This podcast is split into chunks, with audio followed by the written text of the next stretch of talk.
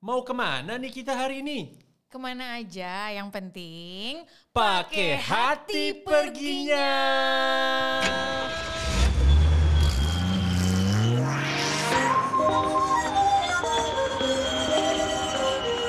Adin sana. Meda kamu.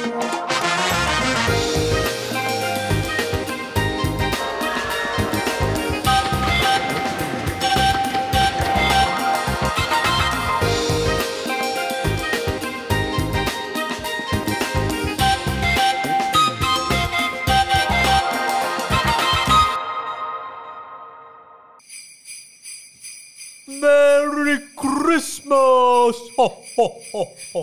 Oh. Itu sinterklas. Iya. Kirain lagi batuk. beda dong kan. Ho ho. Kalau lu sinterklas hitamnya siapa? Ya lu lah. Mau. Lu udah hitam begitu. Kemarin berjemur. Kulit gue boleh hitam tapi hati gue yang penting Sama hitam juga.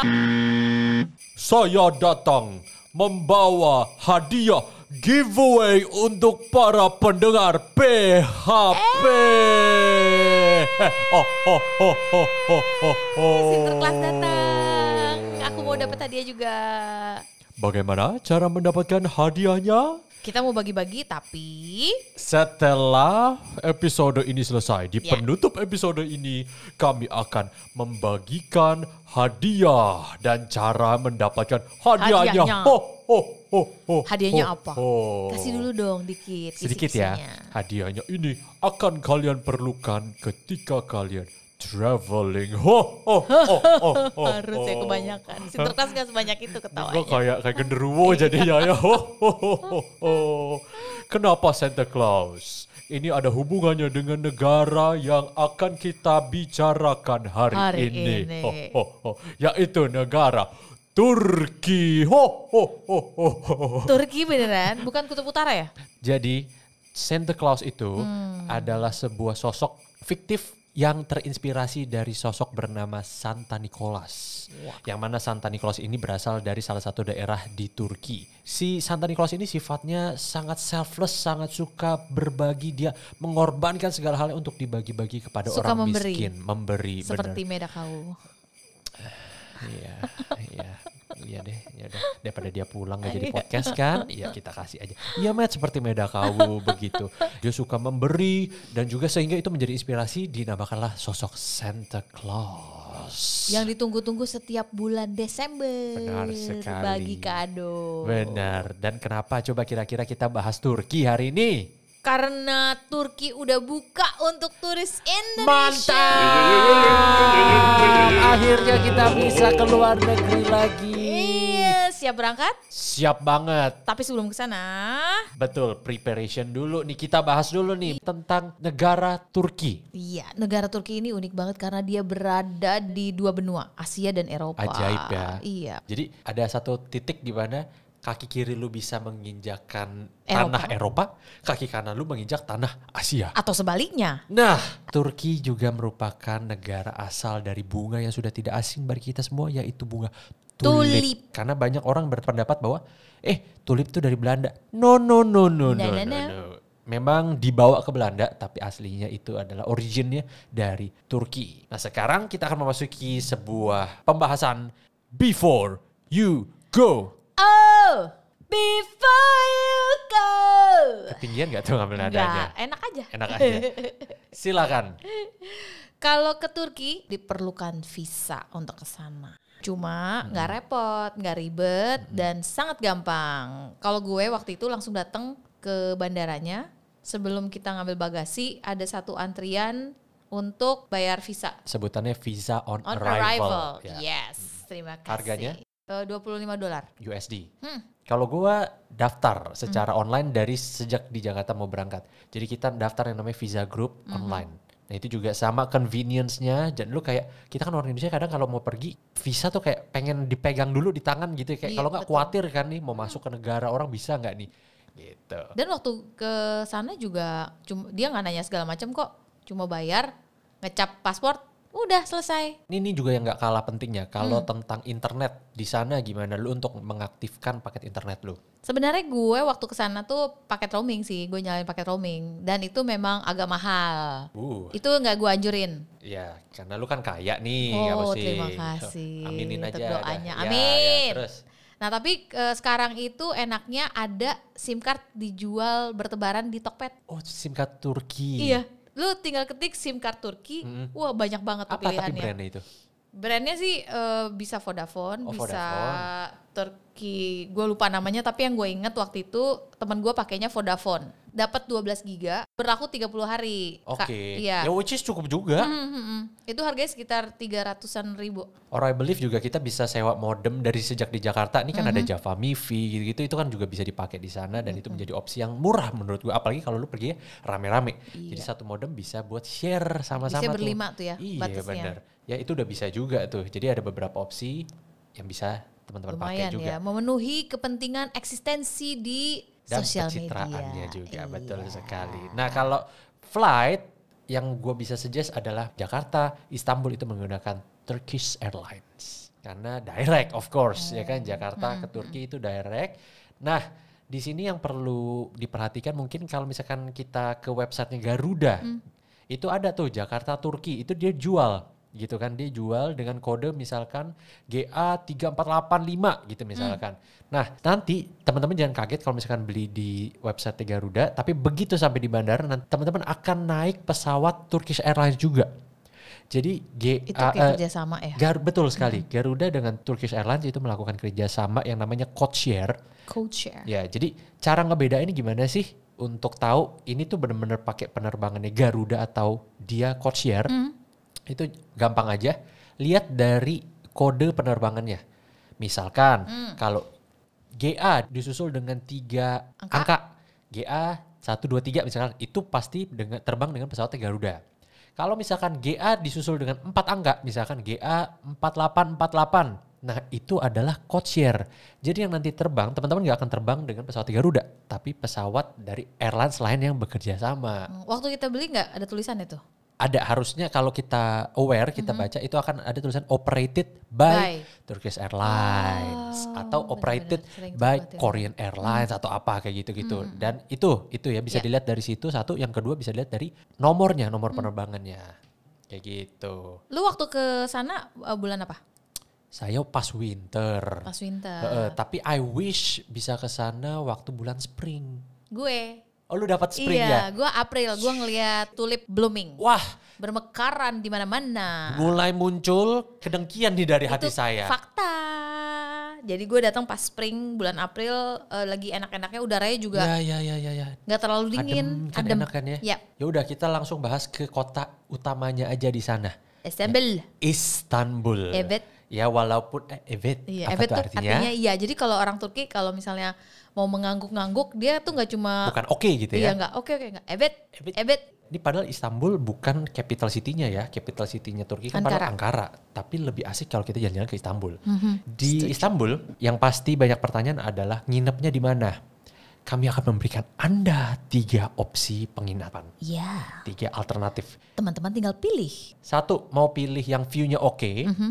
Atau kedua, mau pilih yang daerahnya dekat shopping area. Mhm. Atau yang ketiga, mau pilih yang dekat objek Objek wisata bersejarah. Ya, kita mulai dari yang pertama. View yang paling dicari di Istanbul adalah view menghadap ke selat Bosphorus. Ya, di mana selat Bosphorus ini adalah selat yang memisahkan Istanbul bagi dua gitu ya, antara sisi yang Eropa sama sisi yang Asia. Asia. Ya, jadi itu emang view-nya bagus banget. Alternatif dari kami simple aja. Teman-teman buka Airbnb. Di situ ada pilihan apartemen-apartemen yang view-nya ya satu unit gitu ya. View-nya langsung menghadap ke Bosphorus dengan harga hanya 60-an dolar saja. Berarti sekitar tujuh malamnya. delapan ratus ribuan ya. Iya. Ya. Nah kalau misalkan mau cari yang deket shopping area, ibu-ibu mana suaranya? Saya, saya. Dan juga nggak cuma shopping area, juga dengan nightlife-nya. Hmm, Itu di daerah Taksim. Gua kemarin terakhir ke sana nginep di Marmara Hotel. bagus ya. Bagus, keluar hotel belok kiri dikit itu udah satu jalan di Taksim Square situ. Udah gampang lu mau nyari eh, belanjaan berbagai Sephora brand. kan ada. Sephora Oh, ada iya. gede banget. Iya. Ya itu semua ada di situ. Terakhir, opsi terakhir kalau buat teman-teman yang historic savvy gitu kan yang merasakan Turki di Kuta. Carilah di daerah Sultan Ahmed. Ya, Hmm, betul. Di sekitar situ ada apa aja? Mina? Daerah nginep saya itu itu favorit banget. Dia kan kayak Istanbul kan dibagi dua tadi kan Eropa dan Asia. Yes. Area Sultan Ahmed itu disebut Old Town. Betul. Kalau Taksim Ah. kan eh, New Town, New ya New Town, City ya kayak iya, gitulah. Nah kalau di Sultan Ahmed itu serunya karena setiap area apa turis site-nya berdekatan. Ada Blue Mosque, ada Ah, iya. Hagia Sophia, Seberangan. ada Topkapi. Palace. Ya, ha. Nah itu waktu gue datang semuanya dikelilingi oleh tulip-tulip yang lagi bermekaran. Ah, sedap Jalan kaki banget. ke mana-mana dari hotel gue di jalan rayanya persis. Nah eh, dan yang paling gue suka area nginep gue itu dekat dengan Grand Bazaar. Nah, ini yang harus dibahas banget. Iya, Ye, penting kalau nggak ke Istanbul belum ke Grand Bazaar, belum ke Istanbul. Karena Grand Bazaar ini adalah pasar terbesar, terbesar. di dunia. Jadi nggak boleh dilewatkan. Nggak boleh. Tapi karena besar, karena besar banget tuh kan sampai Oh, bazar antara di bazar besar. Karena besar banget nih. Grande. Perlu di-share dong tips kepada teman-teman pendengar bagaimana berbelanja biar efektif di pasar yang sebesar itu. Ibu-ibu lagi mana suaranya pasti mau nawar. Jadi kalau di Grand Bazaar itu sebaiknya kalau misalnya membeli sesuatu, misalnya dia bilang harganya 100 lira. Coba tawar setengah harga dulu. 50 jadinya Iya. ya. Oh enggak, saya maunya eh, 50 lira, 50 lira gitu. Nggak diusir tuh lo ya. Enggak, malah dikasih minum teh. Oh ya udah kalau gitu kita belanja di situ numpang ngeteh sampai kenyang gitu ya. Udah Iya. Orang cabut. Turki tuh menurut gua di mata gua tuh baik-baik sih gitu. Jadi kalau misalnya eh, dia cara merayu kita halus, dikasih minum teh, ngajak ngobrol sampai akhirnya kita nggak enak sendiri. Lama-lama Hmm. Kita iya ngikutin Dasar harganya dia. Hmm. Memang. Nah, tapi kalau untuk sebesar itu berapa jam menurut lu yang cocok untuk kita siapkan? Empat jam. Minimal 4 jam. Minimal 4 jam. Ya. Kayak abis sarapan, dia kan bukanya sekitar jam 11-an gitu. Heeh. Ya udah jam 11 sampai Sorean. sore selesai deh tuh. Nah sekarang buat bapak-bapaknya nungguin yang kan? nungguin ya kan, yang cowok-cowok nungguin istrinya, nungguin pacarnya, istri kedua, selingkuhan, siapa pun itu pergi ke Grand Bazar. Nah ini ada opsinya di dalam situ bisa ngopi-ngopi, ngeteh-ngeteh aja ya kan sambil nungguin kan. Unik loh kafe-kafe di dalam. Karena bentuk bangunannya kayak ya. reruntuhan. Iya. Iya benar. Tapi kalau gua waktu kemarin gua lagi nungguin ibu-ibu pada belanja, umi-umi lagi belanja, abinya lagi jadi nyari alternatif lainnya. Hmm, apa itu? Pas lagi keliling-keliling, ini gua nggak sengaja, sungguh. Tapi gue sangat bersyukur.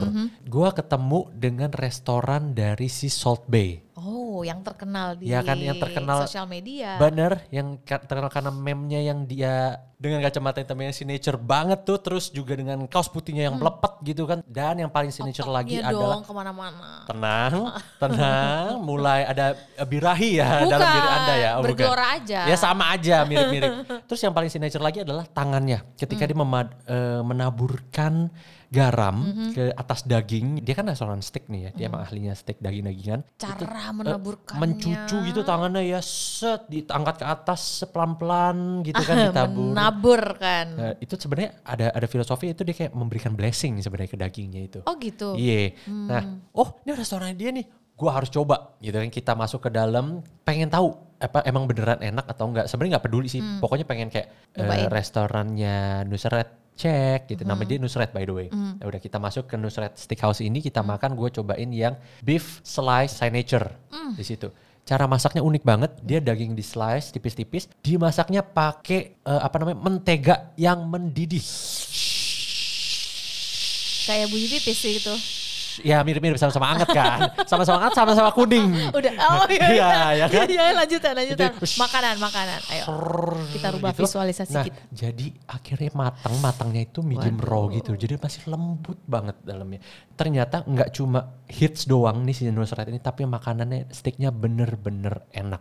Hmm. That's why dia bisa udah buka cabang di mana-mana kan di US ada, Miami ada, terus di Dubai dan lain-lainnya semua ada. Itu tentu karena ada alasannya kan ya karena enak juga. Karena emang enak. Iya, kan selain terkenal juga nih si eh, sosok Nusretnya ini kan. Tapi ada satu kisah inspiratif dari si Nusret ini. Oh lu jadi habis makan lu baca-baca tentang dia Iya, gitu. iya, karena Oh. gue penasaran. Iya. Jadi si Nusret ini ternyata nggak lulus sekolah. Karena dia dari keluarga yang miskin banget, Hmm. mak bapaknya nggak bisa lanjutin sekolah dia. Ya. Dia harus bekerja jadinya di stick house. Sehingga dari situlah muncul passionnya dia. Oke, gue someday harus bikin stick house gue sendiri. Kemudian udah berjalan, ya tentu dia akhirnya ketemu sama investor. Hmm. Akhirnya dia sekarang bisa buka cabang di seluruh dunia. Tapi walaupun udah kayak begitu, dia lu mau tau Matt, nggak bisa bahasa Inggris. Dia gak bisa. Jadi Nggak tahunya cuma evet-evet itu dari. Iya iya iya Oh. dan dan teman-temannya ada, eh, merhaba merhaba. Nah dia nggak bisa bahasa Inggris, dia punya prinsip begini. I communicate through meat. Oh. Jadi dia ini loh cara gue berkomunikasi dengan kalian adalah dengan produk daging gue yang enak banget Yang ini. terbaik yang Iya. dia bisa kasih ya. Gila ya. Dari sini gue kayak belajar. Heeh. Hey, no excuse cuy. Udah nggak lulus SMA, Hmm. lu nggak bisa bahasa Inggris, tapi lu bisa setajir itu, Hmm. lu bisa se, famous itu, restoran lu di mana-mana, lu nggak boleh excuse. Jadi nggak ada alasan. Nggak ada, nggak bilang, ada. aduh gue nggak bisa. Kenapa? Karena belum punya ini, belum punya itu. Yes, uh, as long as you have the passion, you you work hard gitu kan. You got it. You got it. Nah. You got it. Itu yang gue dapat sih. Enak banget, worth it banget, harus banget makan di restoran ini. Tapi, tapi ye, ini hati-hati nih, ye. Kenapa? Karena kalau lu makan, lu kan pengen isa story tuh ya, Iya. lu eh, naburin garam nih. Ya oke, lu taburin garam. Abis itu kan sebelah lu juga mau naburin garam kan, seret ditaburin juga. Ujung-ujung nyampe lagi pas mulut kan asin banget jadinya kan coy. Jadi satu waktu udah dikasih udah jadi di meja lo, Heeh. bikin instastory, Iya, taburin garam taburin satu garam, orang. iya. Yang satu juga gitu. Mau gimmick juga kan, Taburin juga. Iya, satu meja aja diputer Nah, 10 orang. Kalau 10 orang asin deh tuh nah, Darah tinggi kan Darah lo tinggi jadinya. juga. Aduh. Tapi sayang banget gue nggak punya kesempatan itu sih karena waktu gue ke sana belum ada nih si 2013 Nusret. ya? Iya, 2013 belum ada. Even yang kedua kali sana juga belum ada juga. Atau Tapi gua ya. eh, orang-orang kalau ke Turki itu mesti banget nyobain Iskandar kebab. Oke. Iskandar kebab Di itu explain. jenis makanan ciri khas uh, Turki yang isinya itu ada daging domba yang diiris tipis-tipis, Mm-mm. Ditaburi sama seperti tadi tuh si Nusret dagingnya Nusret ditaburi mentega domba, saus tomat sama yogurt. Oh yogurtnya netralisir ya Nah, jadinya. iya, ya. jadi yogurtnya itu gua rasa kan gue biasanya nggak suka bau kambing kan. Ya ya. Cuma gara-gara si yogurt ini bau kambingnya jadi Hilang. hilang. Mm-mm, jadi dimak- lucu banget makannya itu adalah dagingnya taruh di sendok, terus ambil si saus yogurtnya di sisi piring, diaduk, diaduk, diaduk. Oh, nah, oke. jadi rasanya tuh ada asam dari yogurtnya, kecampur dengan mentega asin dari eh, si mentega domba, dimakan bareng sama daging kebabnya itu. Rasanya sensasional. Si is, Iskan, Iskandar Iskandar kebab. kebab ini ini maksudnya brandnya Iskandar kebab atau dia tipe makanannya? Ini nama jenis makanan yang diambil dari Jadi bukan brand ya ini ya? bukan brand, Jadi bukan ada di restoran-restoran mana-mana gitu ada ya? Hmm, Itu Oke. nama menu makanan kayak rendang di warung Padang. Kayak oke, gitu. oke. Nah ini Iskandar kebab namanya. Itu yang bikin pertama kali menu ini adalah Pak Iskandar Effendi. Eh, mohon maaf, itu tetangga saya ibu. Iskandar Effendi. Iskandar, Iskandar, Iskandar Effendi dari Bursa. Oh beneran? Ada. Iskandar ada. Effendi namanya. Iya namanya Iskandar Effendi. Jadi waktu Pak RT tuh dia pasti tuh. enggak kalau ke uru- apa namanya tingkatan dia kayaknya di Palurah deh. Coba Nggak lanjut. lucu, yuk lanjut. Jadi si Pak Iskandar Effendi ini eh, menemukan inovasi bikin kebab ini yang akhirnya turun temurun laku di seluruh Turki akhirnya terkenal. Satu lagi juga Hmm. yang nggak boleh dilewatkan adalah tentunya dessert dari Turki, baklava. baklava buat yang belum Hmm, manis. Hmm. tahu, iya manis banget nih.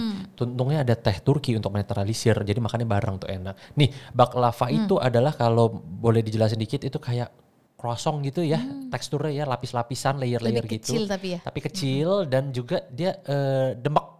Apa tuh tuh demek? Eh, menyek-menyek gitu loh karena dicampur di- sama caramelize gitu kan Itu dia kayak disiram gitu. gula, gak sih? Hmm. Iya iya iya disiram gula. Dalamnya juga ada lapisan gulanya plus kacang-kacangan itu enak banget. Harus dicobain kalau di Istanbul itu yang paling terkenal. Kenapa gue bilang terkenal dan legit harus dimakan karena locals itu makan di situ. Ya kan Oh. jadi untuk tahu nih restoran ini bener-bener enak atau enggak kita lihat aja orang lokal makan Makan di situ atau bener. turis doang. Ya kan itu yang namanya guloglu. Nah, ngomong apa tuh gua? Guloglu, G U L L U O G L U. Oh, Guloglu. Guloglu. Nah, Guloglu. Tapi ini sayang cuma punya satu cabang itu di daerah gue lupa. Dia nggak bikin Eh, franchise Karakoy. ya? Nggak. Itu paling enak.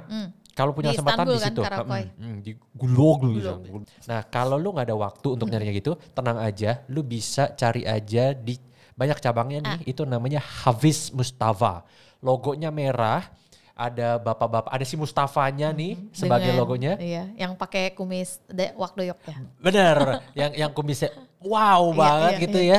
Jangan bahas-bahas wak doyok, saya pakai wak doyok nggak berhasil gitu ya. Mungkin di sini teman-teman pendengar ada yang sudah berhasil. Kasihan nih Abi nih, Ya, tolong bantuin Coba bantu, dong. bantu DM saya gimana caranya supaya saya- Menumbuhkan kumis dan jenggot. Ya betul sekali ya. Itu juga ada logo di situ ya di logonya itu ada 1864 karena dia udah dari 1864 lu bayangin, Berdiri? Ratusan tahun. Wow. Apanya yang berdiri, Matt? Perusahaannya. Perusahaannya bener. Tokonya. Tokonya, baklavanya maksudnya Baklavanya. kan. Aduh Hafiz, Hafiz Mustafa.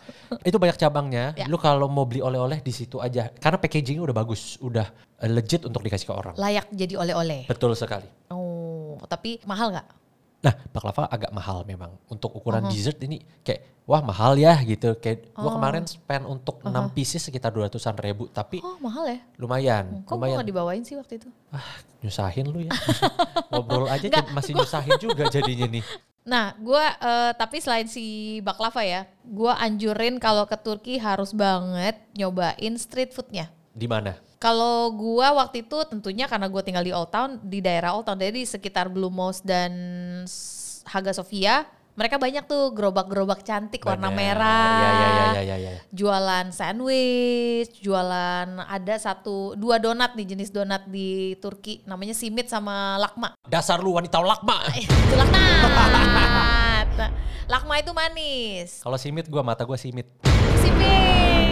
Tapi kalau eh, apa namanya street foodnya untungnya harganya juga murah. Lima ribuan kan seingat. Ih, Nggak malah kadang-kadang ada yang satu lira doang. Satu lira kan which is cuma 1.800 kan yang sekarang nih per eh, dua, 2020 nih Desember 2020 dia sat- 1.800 doang. Oke, Jadi oke. kayak jajanan anak sekolahan. Mami mau simit. Cuma kalau misalnya di Sultan Ahmed itu cuma ada sampai sekitar jam 5-6 sore.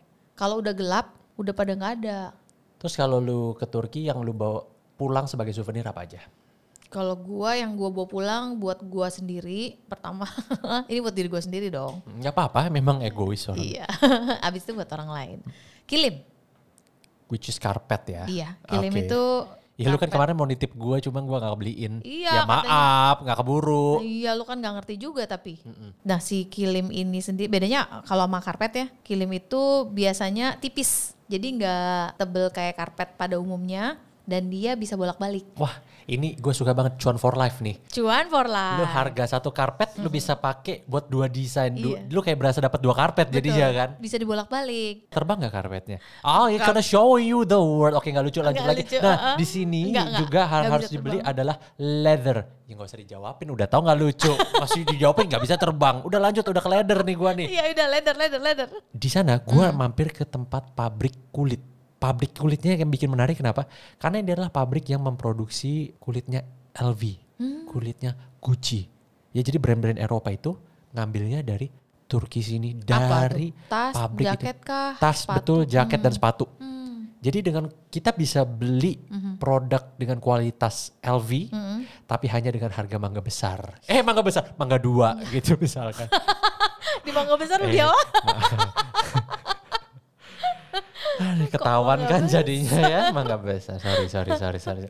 Mangga dua gitu. Jadi Oke. maksudnya harganya jauh lebih. Ya nggak murah-murah amat karena ini kan kualitasnya bagus ya, kualitas premium juga. Bagus kok kulit-kulit di apa namanya? di Turki. Betul, tapi har- kan yang bikin mahal kan sebenarnya logo LV-nya itu gitu-gitu kan sebenarnya. Nah ini tanpa logo itu, tapi kualitas LV lu bisa dapat gitu. Sekarang kita coba ceritain, gue jujur kurang explore di transportasi lokalnya ketika di Istanbul. Coba lu boleh ceritain nggak, Bet? Public transportation di Turki itu udah enak banget karena dia terintegrasi dengan satu kartu. Kan gua kan banyakin waktu lebih banyak di Istanbul kan. Mm-mm. Nah, di Istanbul itu ada satu kartu namanya Istanbul Card. Kayak MRT di sini atau di Singapura. Singapura, ya. Itu bisa dipakai untuk tram, dipakai untuk bus, Oke, untuk terintegrasi lah metro. semuanya. Ya, oke. Dan harganya juga murah banget. Oke. Sekitar lima ribuan, jarak deket jarak deket gitu. Satu dua lira doang gitu. Oke, jadi simple and very tourist friendly ya. intinya Iya, ya. cuma kalau lu pergi ke kota lain, Hmm. lu mesti punya kartu yang lain lagi yang Oh. hanya berlaku di negara eh di negara di kota itu. Oke, jadi ya kar- karena namanya juga Istanbul Card, jadi cuma bisa di Istanbul. Hmm. Istanbul, misal lu ke bursa, Bursa Card. bursa ya namanya bursa Simple card. ya, mudah sekali hidup ini ya jadinya ya. Nah Oke. itu itu bisa di kayak isi ulang sama Hmm. gampang didapat di mana-mana sih. Kalau untuk antar kota gimana? Karena kita kan ke Turki Hmm. nggak mungkin cuma di Istanbul, pasti juga kita mau ke eh, Efesus lah, Hmm. ke apalagi Kapadokia kan. Nggak mungkin ke Turki nggak naik balon udara gitu kan. Iya. Belum ke Turki itu namanya. Betul. Itu gimana? Kalau gue sih anjurin naik pesawat berangkatnya. Murah. Oke. Cuma 400 ribuan. Hmm. Nyampe ke jadi area Kapadokia itu yang buat turisnya itu kan di desa Goreme kan. Yap. Lalu akan mendarat di Nesfehir. Itu cuma 400 ribuan. Tapi kalau lu mau punya pengalaman lebih adventurous, harganya setengah dari harga pesawat, lu naik bus malam. Oh setengah dari harga pesawat. Iya. Lebih murah lagi ya. Murah. Tapi 12 busnya jam. oke nggak busnya? Busnya bagus banget, ada pramugaranya. iya, jadi ada ada orang yang kalau misalnya di sini kan namanya kondektur. Ini dia pakai seragam seperti pramugari pramugara di pesawat. Dan setiap berapa jam dia ngider pakai eh, nganterin kopi sama teh gitu. Dan Lu snack. suruh beli. Nggak beli, Eh, gratis. gratis? Ya Tadinya buset. juga gue pikir bayar. Jadi waktu dia kasih gitu, gue mau ngeluarin duit, dia kayak tangannya nggak nggak nggak gitu. Oh jadi intinya sebenarnya oke banget udah busnya, cuma ya ada bedanya- TV, ada wifi. Ada wifi Iya. juga. Ya ya udah, cuma Enak konsekuensinya tapi. cuma 12 jam aja ya, lebih lama aja ya. Nah, sekarang begitu sampai Kapadokia Mm. nih, Ki, gua gua nggak mau lepas dari Kapadokia dulu nih. Itu kan harus bahas banget nih balon udara. Iya, gue naik. Ya iya, pasti naik lah. Iya, harus tuh kayak gak usah angkat rok juga. enggak gue angkat rok. Dia bahas naik balon udara, pahanya langsung ke mana-mana ini. Aduh, Biasa mohon maaf. dong. Enggak, enggak, enggak, enggak, enggak. Nah, Kapadokia. Jadi Kapadokia itu eh, kenapa mesti naik balon udara? Karena memang landscape di Kapadokia sendiri di sekitar apa Goreme, Urgupnya itu wah beautiful. Cakep. Beautiful. Beautiful banget. Hmm. Di bawah itu bukit-bukit yang bentuknya seperti kon es krim. Bentuknya seperti apa sih kayak menara-menara kecil gitu yang tinggi-tinggi gitu yang kalau misalnya kita lagi deketin ya dari di balon udara kita agak mendekat itu di bukit-bukitnya itu kayak ada lubang-lubang kecil gitu. Isinya apa? Itu pintu Sejarahnya gua, gua. Jadi ternyata eh, waktu gua tanya sama orang sana zaman dulu itu warga setempat kalau menghindar dari musuh mereka membangun menggali gua-gua. Gampang soalnya bukitnya itu bukan yang kayak batu marmer apa sih? keras banget Iya gitu. enggak. Ha, ha. Dia eh, gampang di di apa ya namanya? Digrauk. Grauk. kadang gua kadang gua bangga sama bahasa Indonesia lu kadang gua malu sama bahasa Indonesia lu batu digrauk ya maksud digali gitu digali, dibentuk lah ya dibentuk dipahat di- untuk mereka ya. tinggal di dalam. Hmm, Bahkan sampai ada di daerah Kapadokia itu eh, kota di bawah tanah, Di bawah underground tanahnya city. itu Mm-mm. ya. Untuk menghindari dari musuh, menghindar dari musuh, bahkan Defense. tempat mereka bersembunyi waktu perang. wow jadi kayak pelajaran yang dapat dari sini mirip sama yang Nusret tadi ya Mhm, no betul. excuse No Ya, excuse. kalau lu dapat kondisi tempat tinggal tanah yang seperti ini Mhm. ya lu kerjakan aja apa yang Iya. ada di tangan lu itu pasti bisa jadi buat defense kayak buat apa itu tetap bisa Bisa ya kan? dikerjain. dan buktinya sekarang itu Sekarang jadi malah objek jadi wisata iya dipakai membawa cuan, cuan. Dipakai buat hotel juga, Bi. bener Buat Emang- nginep Lah, nginep di hotel. Lah itu kan poinnya justru kita Kapa- Kapadokia yang satu unique selling pointnya juga adalah kita bisa nginep di dalam Nginep. goa. Betul. Harus banget nginep di hotel yang berbentuk gua. Dan harganya tidak mahal. Cuma sekitar 600-700 ribu. Mau hotel, mau Airbnb. Sama. Sama aja. Alami itu. Cie. Soalnya kita bangun pagi ya. Begitu buka nih. Itu balon udara. Balon ya, udara mana berterbangan. Udah kayak negeri dongeng. Negeri seribu satu malam. ya. Ah sedap. I can show you The world. world. Dia batuk lagi.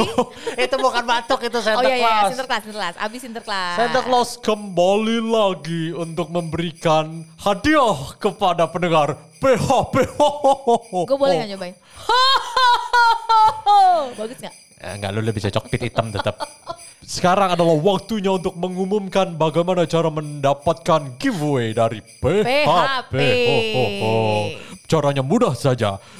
Segera menuju ke Instagram @podcastphp. PHP, Lihat di sana sudah ada post di feed PHP pertanyaan kuis untuk Anda jawab. Silakan dicek. Cara menjawabnya, repost itu ke story Anda dengan jawabannya. Untuk tiga orang penjawab paling cepat dan benar akan mendapatkan traveling kit dari, Dari PHP. Betul sekali. Ho, ho, Jangan ho, lupa ho, juga podcast PHP dan hashtag pakai hati perginya. Benar, jangan di repost doang. Yo, Iya. nanti kalau saya salah alamat. Ho, ho, ho, ho, ho, ho, ho. Semangat terus teman-teman ikutin kuisnya. Dan selamat liburan panjang akhir tahun. Ho, ho, ho. Ke mana pun jalan-jalannya, yang penting Pakai hati perginya. Ho, ho, ho.